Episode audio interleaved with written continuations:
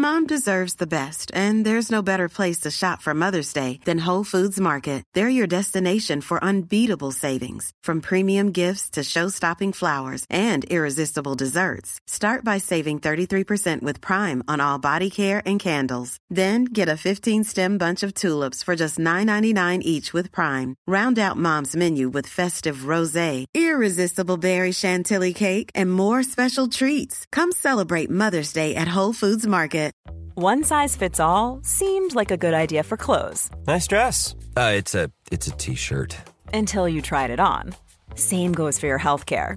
That's why United Healthcare offers a variety of flexible, budget friendly coverage for medical, vision, dental, and more. So, whether you're between jobs, coming off a parent's plan, or even missed open enrollment, you can find the plan that fits you best. Find out more about United Healthcare coverage at uh1.com. That's uh1.com. Burrow is a furniture company known for timeless design and thoughtful construction and free shipping, and that extends to their outdoor collection. Their outdoor furniture is built to withstand the elements, featuring rust-proof stainless steel hardware, weather-ready teak, and quick-dry foam cushions. For Memorial Day, get 15% off your Burrow purchase at burrow.com slash ACAST and up to 25% off outdoor. That's up to 25% off outdoor furniture at burrow.com slash ACAST. Gjenklang.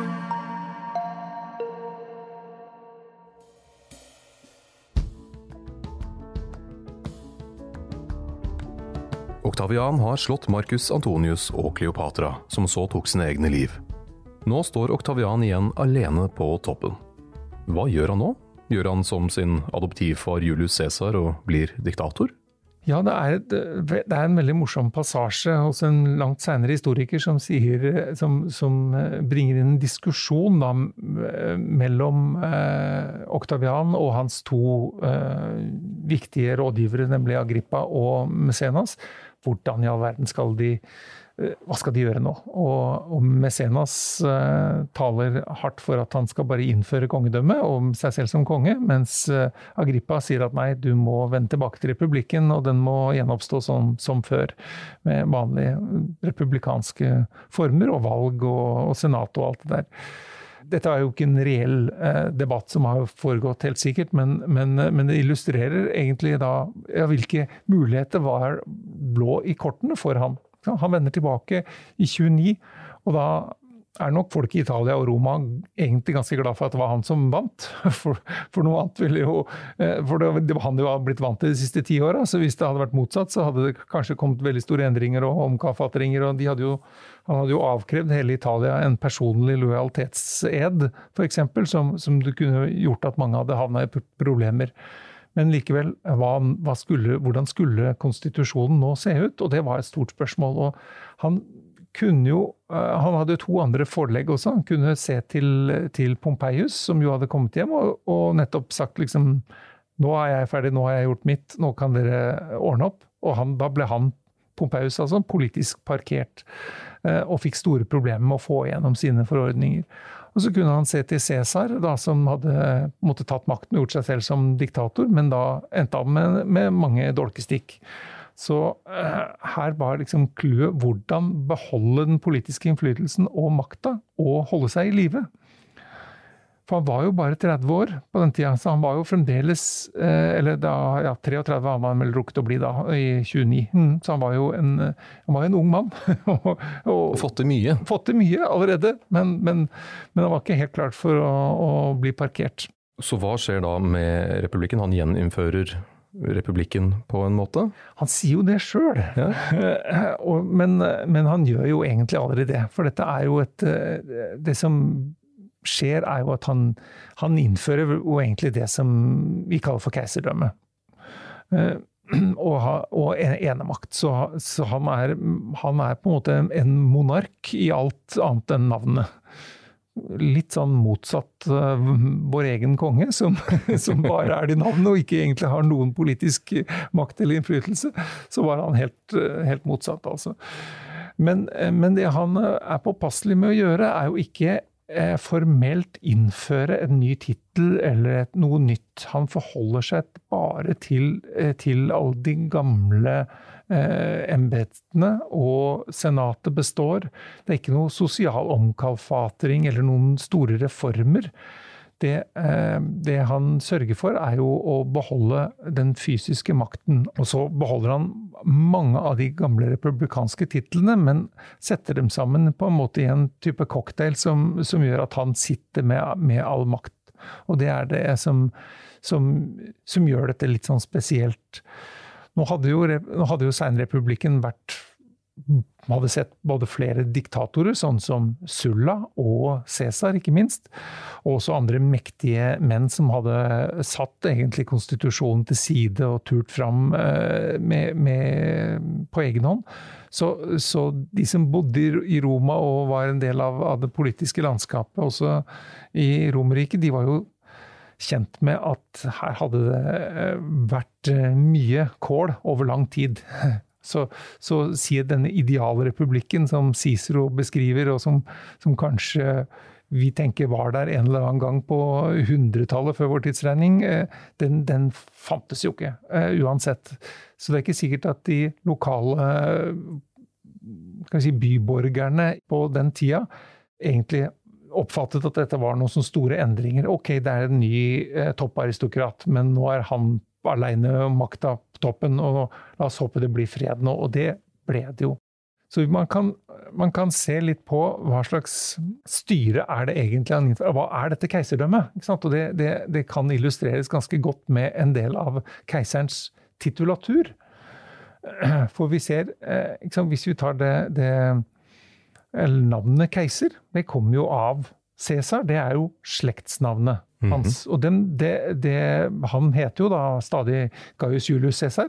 Det gir ham da eh, selvfølgelig all den eh, formuen og kontaktene, klienten og alt som fører, som den slekta har. Så dette er jo et dynasti. Og keisertittelen, den, den, følger jo videre ned gjennom. I romersk tid så er jo alle får dette navnet Cæsar også. Så det er, det én side av det. Så keiseren er, er, er, er knyttet til et dynasti. Det er en personlig formue og en, og en familie, en slekt. Og så er det andre, den andre tittelen som, som, brukes om keiseren, er jo um, princeps, som da egentlig var, eh, betyr den første, førstemann.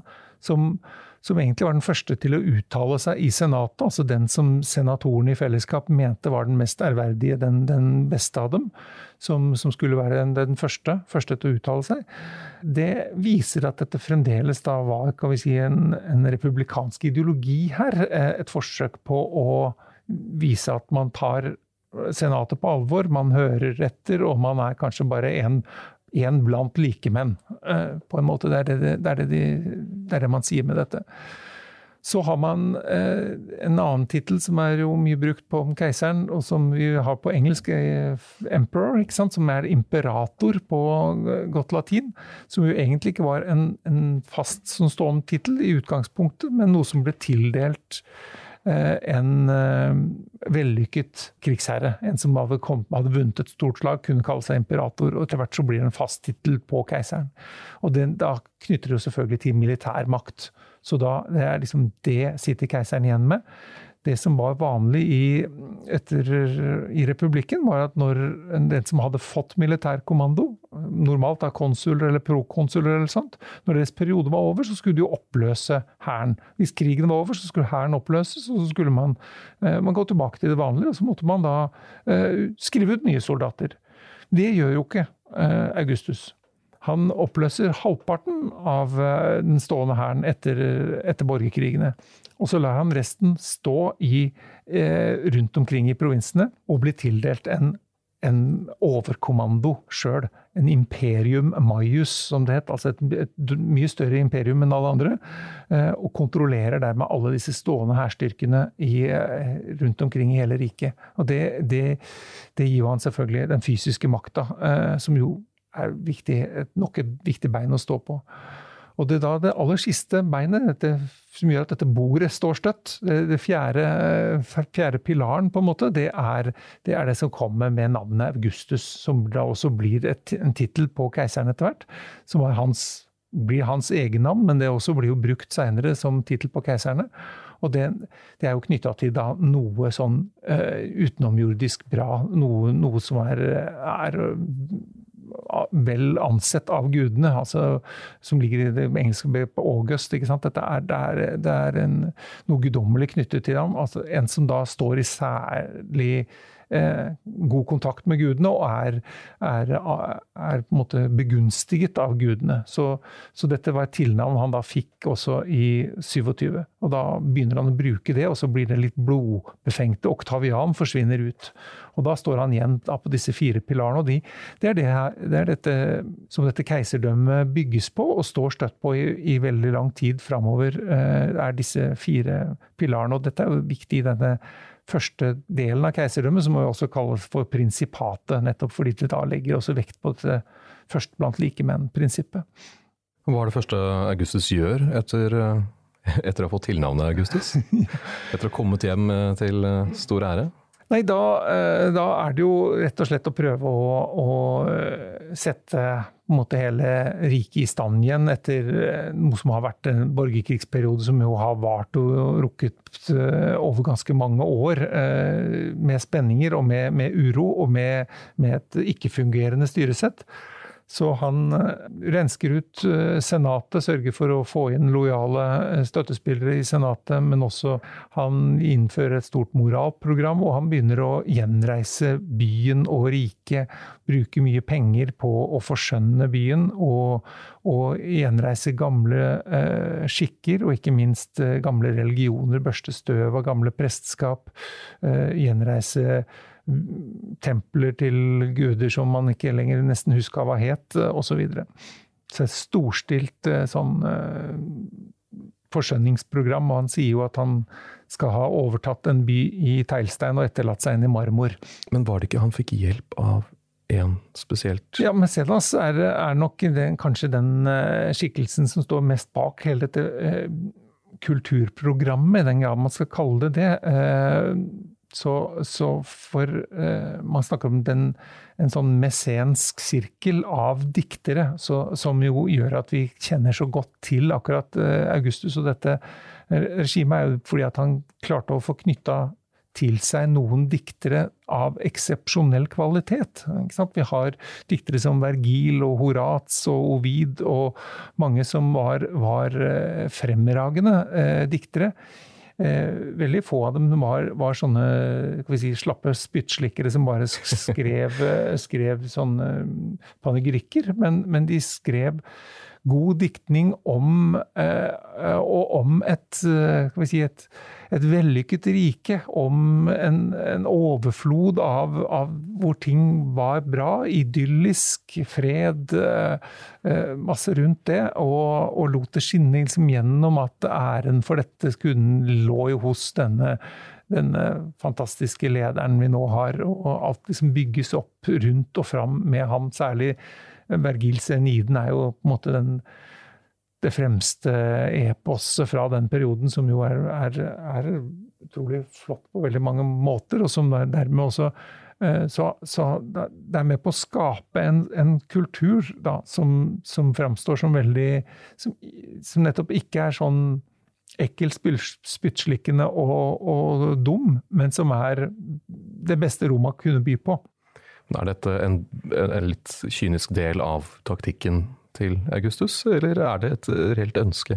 Det er det veldig mange som har spekulert på. Hvor, eh, I hvilken grad er, det, er dette Så ja, i noen grad så har nok dette uh, vært Mesenas verk å, prøve å, å, få disse til å skrive sånn og, sånn og slik. Det er klart at det var en annen stor historiker, en som het Asinius Pollo, som, som, sa at det, det, er ikke så lett å skrive mot han som har makt til å proskribere. Liksom.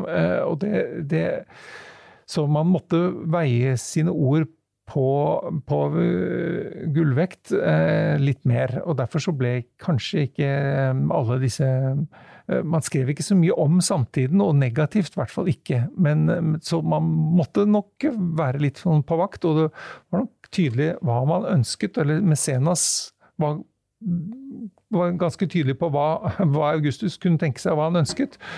Eh, og, og så, så, får man den type kulturuttrykk som, som, jo kan man si fungerer ganske godt ved også å underbygge denne guddommeligheten også til Augustus.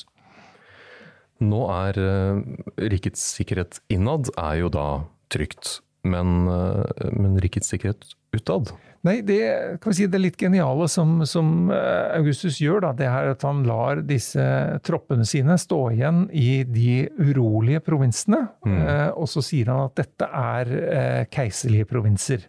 Så her er det jeg som eh, er øverstkommanderende, og så er det jeg som utpeker mine guvernører til disse områdene. Eh, og så eh, kan dere i Senatet dere kan få lov til å fortsette å utpeke guvernører til de andre rolige provinsene hvor det ikke er noen militærstyrker. Så han klarer jo dermed veldig elegant å få pasifisert hele den si, aristokratiske eliten som før hadde nettopp konkurrert om disse embetene som konsul for å kunne føre krig og for å få ære og, og, og føre hjem eh, krigsbytte og, og, sikre seg. Nå sikrer han seg jo sjøl alt krigsbytte og all ære ved en eventuell eh, militær seier. Eh, og han, han får altså demilitarisert eliten og kan sørge for å peke ut sine, lokale, sine lojale støttespillere til å, til å, gå inn i de provinsene og de områdene som, som, hvor hæren står.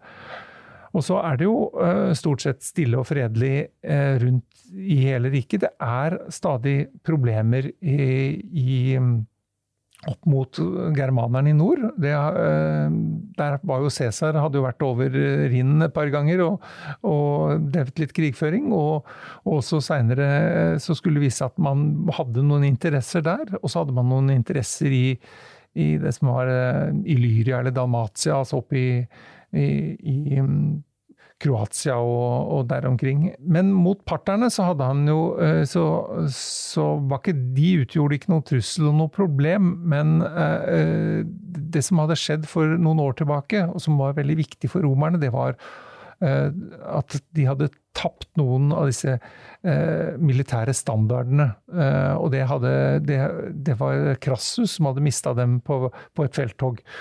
Så Augustus fikk de eh, tilbake igjen av eh, perserkongen, eller parterkongen, og, og, fikk dermed feiret dette som en stor triumf. At han hadde liksom eh, nærmest underlagt seg hele Pacha ved at han hadde fått tilbake disse, disse standardene. Og det, Smart. Det, var en, eh, det ble utnyttet sterkt i alle propagandaøyemed, både i billedkunsten og i mm, og i diktningen. da. Sånn at uh, dette var sentrale elementer.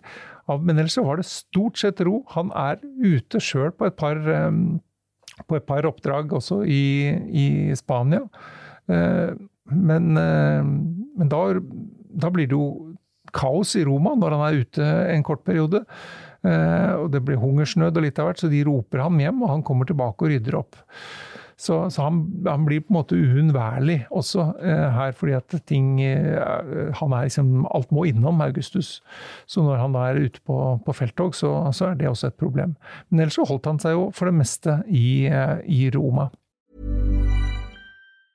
Mom deserves the best, and there's no better place to shop for Mother's Day than Whole Foods Market. They're your destination for unbeatable savings, from premium gifts to show-stopping flowers and irresistible desserts. Start by saving 33% with Prime on all body care and candles. Then get a 15-stem bunch of tulips for just $9.99 each with Prime. Round out Mom's menu with festive rosé, irresistible berry chantilly cake, and more special treats. Come celebrate Mother's Day at Whole Foods Market. Ryan Reynolds here from Mint Mobile.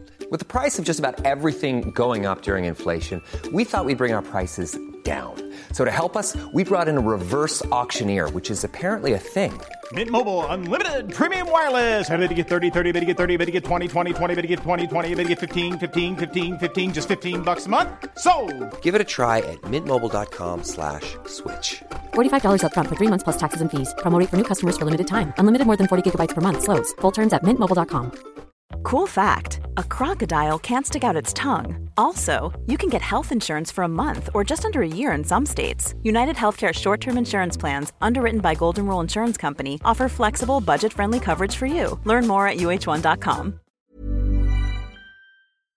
Men det at alt skal gå gjennom eh, Augustus, eh, han eh, må vel også begynne å tenke på dynastiet sitt videre etter han?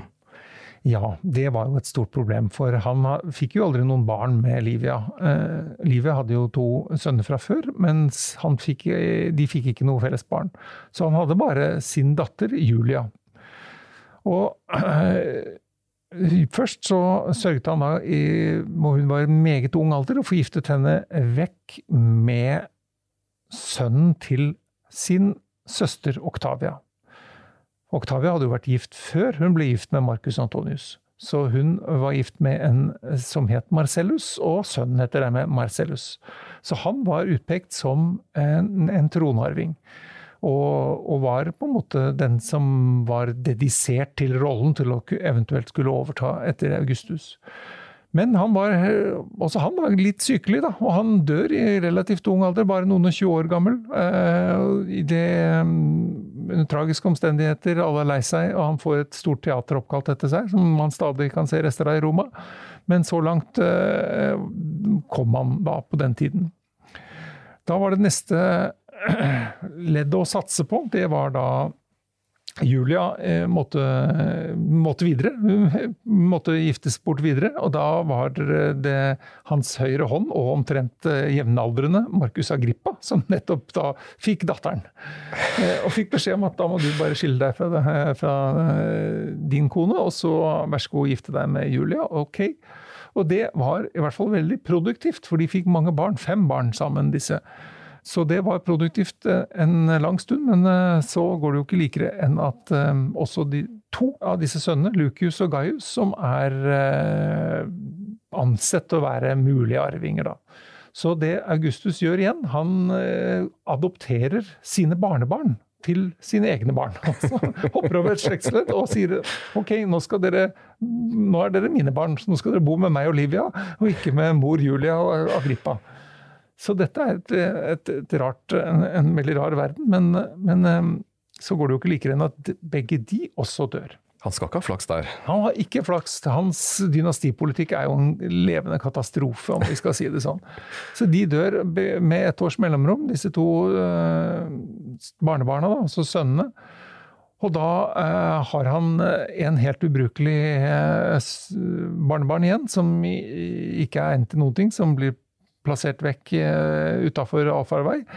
Uh, og så har han i to uh, to barne... Altså datter-datter. og, og, og, Julia fremdeles. Så da må det nye eh, koster til. Og det som da skjer, er jo en, noe bortimot en, en, katastrofe. For da, i mellomtiden, så har jo denne sønnen til Livia, nå er det to sønner, og det er Tiberius som er den eldste av dem. Da er det han som egentlig blir den neste, som Augustus peker på. Han er jo i en passende alder. Han har vært en militær kyndig og egentlig en, en har, har, det meste, men han har et mørkt og rart temperament. Og han har følt seg forsmådd fordi at han har gått som stesønn der over tid. Så han har egentlig meldt seg ut. Han har reist til Rådås og skulle prøve seg som privatmann. Noe som alle syntes var veldig rart, og, og falt uheldig ut. Og, så han var egentlig litt sånn persona non grata, men så ble han tatt inn igjen i varmen igjen og, og fikk lov å vende tilbake til Roma. Og nå blir han da det, det siste kortet liksom, i, i, stokken. Jeg hadde vært litt nervøs nå. Jeg. Alt han peker på, dør jo. Så. Ja, men, men, Julia lever. Eh, så Julia blir da giftet med han. Når, så hun må vær så god finne seg sin tredje eh, ektemann oppi dette. Og de er en veldig dårlig match, de to. Uh, og Julia er, og hadde nok kanskje også vært litt uh, utro med Agrippa, i hvert fall uh, antyder kildene det, men nå tar det helt av. Nå viser hun seg som både et luksusdyr og, og et, en som i hvert fall ikke vil sitte hjemme med denne svært mørke og rare Tiberius. Så hun eh, både eh, blir kjent for sin festing, og, og, at hun faktisk kanskje også var litt med på noe som var eh, si, litt sånn anti-augusteisk, noe litt sånn republikansk. Det er noen indikasjoner på at hun hadde hyllet noen frihetskjemper en statue som sto i, Roma, som, som var liksom forbundet med si, libertanere, eller i hvert fall republikanere og litt sånn. Og, og så var det en affære som også involverte sønnen til Marcus Antonius, en annen Antonius. Og til slutt så blir det en offentlig skandale. Hun blir eh, erkjent som persona non grata og sendt i eksil. Og, og denne forsmådde ektemannen blir sittende igjen eh, som, eh, som da eh, tronarving alene. Så Julia forsvinner ut av historien som et sørgelig eksempel, og hennes datter eh, Julia lider samme skjebne ti år seinere. Og da er dikteren Ovid involvert. Han som skrev om, om, eh, så mye om kjærlighetsdiktning, om kunsten å elske osv. For Augustus hadde jo innført et strengt moralprogram. Han ville jo at folk skulle være kyske og moralske. Dvs. Si alle bortsett fra han selv. For han uh, hadde gjaldt egne regler for. Og der understreker til og med noen av uh, biografiene hans at det var så viktig for ham å, å holde seg med, med forskjellige elskere fordi, uh, og elskerinner, fordi da kunne han få ut informasjon. Det var viktig. Det så det var fin det, det, ren etterretning. En slags sånn James Bond-stil på, på, dette. Men alle andre skulle jo eh, skulle da eh, holde seg til ekteskapet, og de skulle få barn innenfor ekteskapet. For det var jo også et eh, problem med at, at de, med nok liksom, ordentlige arvinger i mange slekter. Så dette, han hadde et voldsomt moralprogram som, som gikk, gikk, på det. Og da ble det upopulært at, at da dattera hans hadde vist seg ganske umoralsk. Var det ikke også dødsdom hvis du ble tatt for uh, utroskap? Det kunne det nok være, men ikke normalt. Eh, men, men det, det, var jo ikke en del av uh, Utroskap var jo ikke en del av den offentlige straffeutmålingen, så dette var noe som man kunne, kunne ta på en måte internt i familiene okay. uh, og avgjøre. Men, men det, kunne, det, kunne, nok skje litt av hvert, ja, hvis man hadde blitt tatt ordentlig for utroskap, men vi vet jo at eh, mesteparten av denne, denne romerske eliten levde et ganske utsvevende liv. Så da er det Tiberius som står igjen? Da var det Tiberius som står igjen, som den, den karen som, eh, som, skulle eh, være arving. Og han, Augustus hadde jo egentlig aldri vært så fornøyd med han. Han var jo sistevalget her, må vi nok kunne si. Men det er da Livia som på en måte har også fått et litt dårlig ettermæle noen har da til og med ment at hun har måte kjempet han fram og undertrykket noen av de andre. Til og med men var det noen som har ment at hun sto bak og hadde fått forgifta og drept disse andre eh, barnebarna osv. Det er nok etter alt, alt tyder på at det er bare tull og, og sludder og, og, dårlige rykter. For, for, sterke kvinner får jo dårlig PR i denne, denne verden også. så så det er, det er nok et, et problem. Men, men, Tiberius er altså da en, en, en helt annen natur enn enn Augustus. Men han var en dyktig kriger, og han hadde da sørget for også store militære seire i nettopp Germania. Og så forlater jo han Germania og, og ordner opp andre steder og får andre oppgaver, men, men så skal det altså da eh, en sånn skjebnesvanger eh, siste raid for å prøve å sikre og etablere en ny provins i, i Germania det er det, det såkalte katastrofenederlaget i Tautoburgerskogene, som da eh, Varus eh, tapte da flere, eller to legioner og, og, mange hjelpetropper, som ble totalt slaktet av, en, av en um, germanere. Og siden den gang så, så tok aldri romerne og lagde noen provins i Germania, men hadde masse problemer med germanske stammer. Men, men det var liksom et sånn vendepunkt mot det å prøve å, å lage provins av Germania. Med, og da gråter etter sigende Augustus og vrir, river seg i håret og roper 'hva si meg mine legioner tilbake'? Så han tok det tungt at, at det gikk sånn det gikk der oppe. I år 14 etter vår tidsregning så dør Augustus. Hva skjer nå? Da var det denne stakkars Tiberius da, som var pekt ut. Men jo, eh, de hadde jo egentlig ikke lagd noe arvefølge. For fordi det er jo ikke, det er ikke noe keiserdømme som er formelt. Så eh, det er vel kanskje først nå at folk lurer Ja, hva skal skje nå? Nok en gang så lurer man litt på det. Eh, men eh, han hadde jo fått alle de tingene som var viktige, eh, som til sammen som, som, også Augustus oppsummerer i en innskrift som er bevart, som ble skrudd opp mange steder i, i riket. Så har vi bevart en, en, tekst fra Ankara. Derfor så kalles det også for Monumentum Ankeranium. Men der, der, beskriver Augustus hele sin gjerning, på en måte hva han har, han har utført. og alle de embetene han har holdt, og alt hvor det har vært. Og så avslutter han med at, at, han hadde ikke holdt noe mer enn noen andre folk han holdt mange ganger. og alt det men aldri, Ikke noe nytt eller annerledes, men han overstrålte alle i auctoritas, som han sier.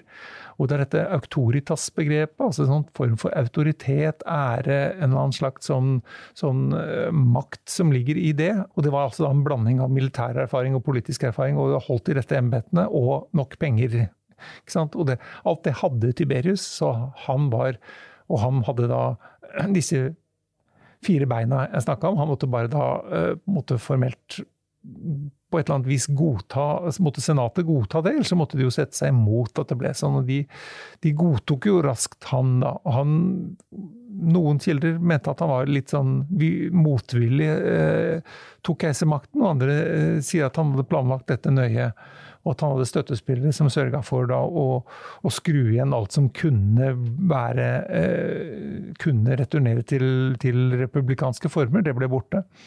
Blant annet så slutta man jo helt å innkalle folkeforsamlingen. Den hadde jo egentlig bare strødd sand på, på det Augustus hadde bestemt fram til da, og vært innkalt sjelden. Men nå forsvinner folkeforsamlingen, jo, som jo er en av de si, veldig demokratiske institusjonene fra republikken, som, som er borte med, med, Tiberius. Hva vil du si er Augustus sin arv og ettermæle, det viktigste?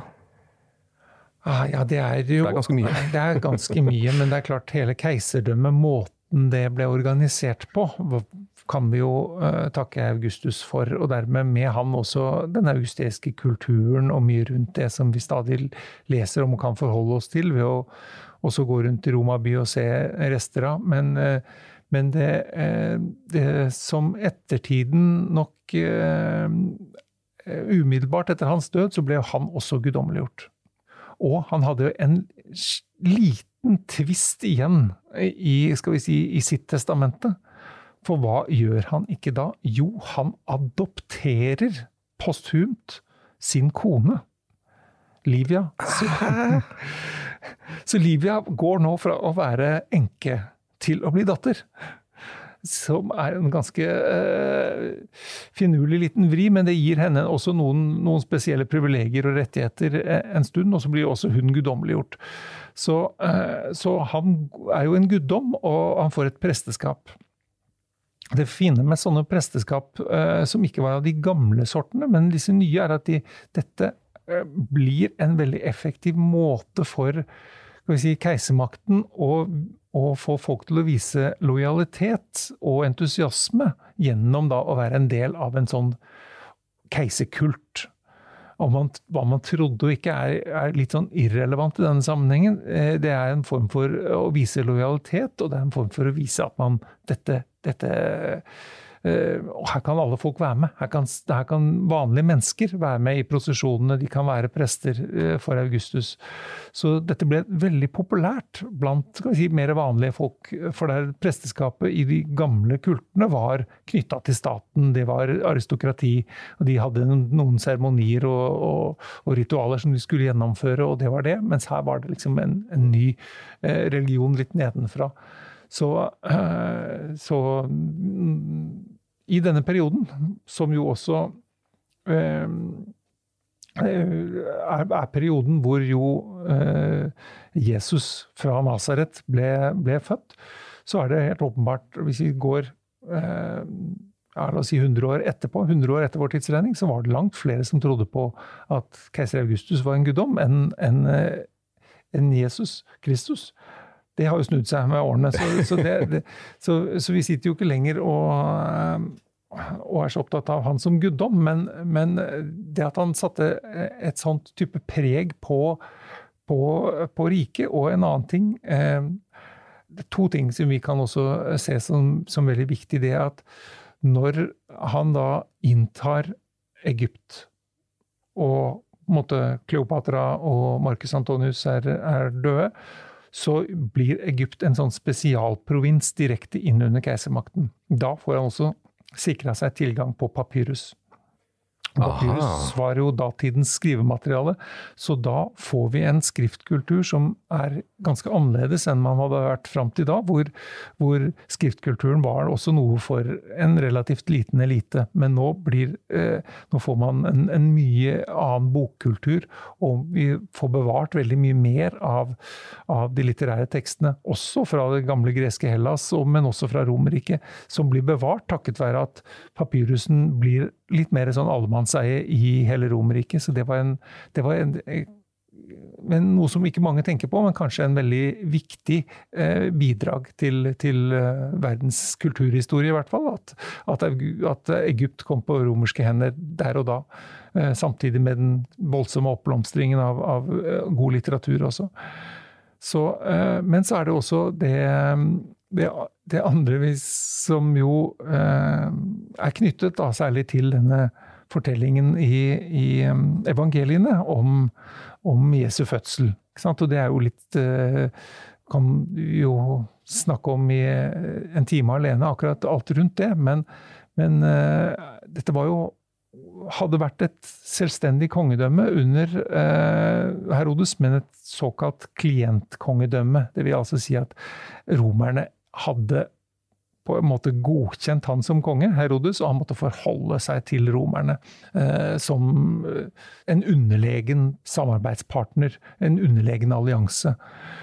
Men så, eh, etter Herodes dør, som han dør jo i år fire før vår tidsregning, eh, som jo er litt problematisk i og med at en del av evangeliet legger, han, legger det samtidig med, med, hans, med, med, rett og slett Jesu fødsel. Men det blir et, et et veldig dårlig styre. Sønnene hans klarer ikke å ta vare på De prøver å fordele riket mellom seg, og det går så dårlig at når vi da snakker om å ha kommet til år seks etter vår tidsregning, så, eh, så sier eh, da Augustus at nei, dette går ikke lenger, vi må bare rett og slett overta. Eh, vi må overta det som da var Judea, altså kjerneområdet, de jødiske kjerneområdene, og vi må gjøre det til en romersk provins. Og det er da, i år seks, at, dette, at, man må skrive inn ikke all verden i manntall, men det er da de som bor der. For da skal de være en romersk sensus i Judea, altså en, en skatteliste. De må vite hvem som bor der, hvem de skal skatte. Det her var da altså keiser Augustus. Tusen hjertelig takk for at du kunne komme, Jon Ideng. Følg oss gjerne på Instagram under Historier som endret verden, i ett ord. På gjenhør.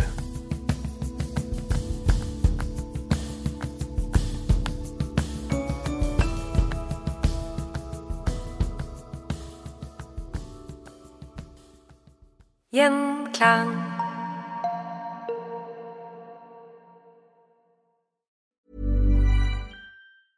Mom deserves the best, and there's no better place to shop for Mother's Day than Whole Foods Market. They're your destination for unbeatable savings, from premium gifts to show-stopping flowers and irresistible desserts. Start by saving 33% with Prime on all body care and candles. Then get a 15-stem bunch of tulips for just $9.99 each with Prime. Round out Mom's menu with festive rosé, irresistible berry chantilly cake, and more special treats. Come celebrate Mother's Day at Whole Foods Market. ACAST powers the world's best podcasts. Here's a show that we recommend.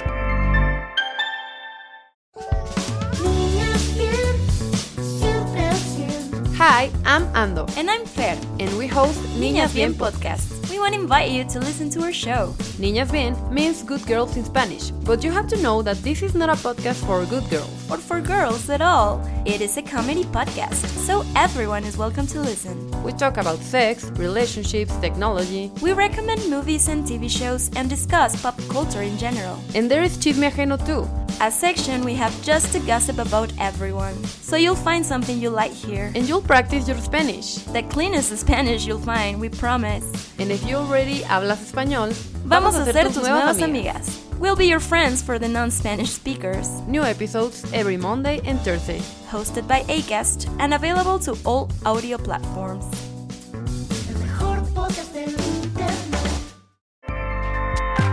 ACAST helps creators launch, grow, and monetize their podcasts everywhere. ACAST.com.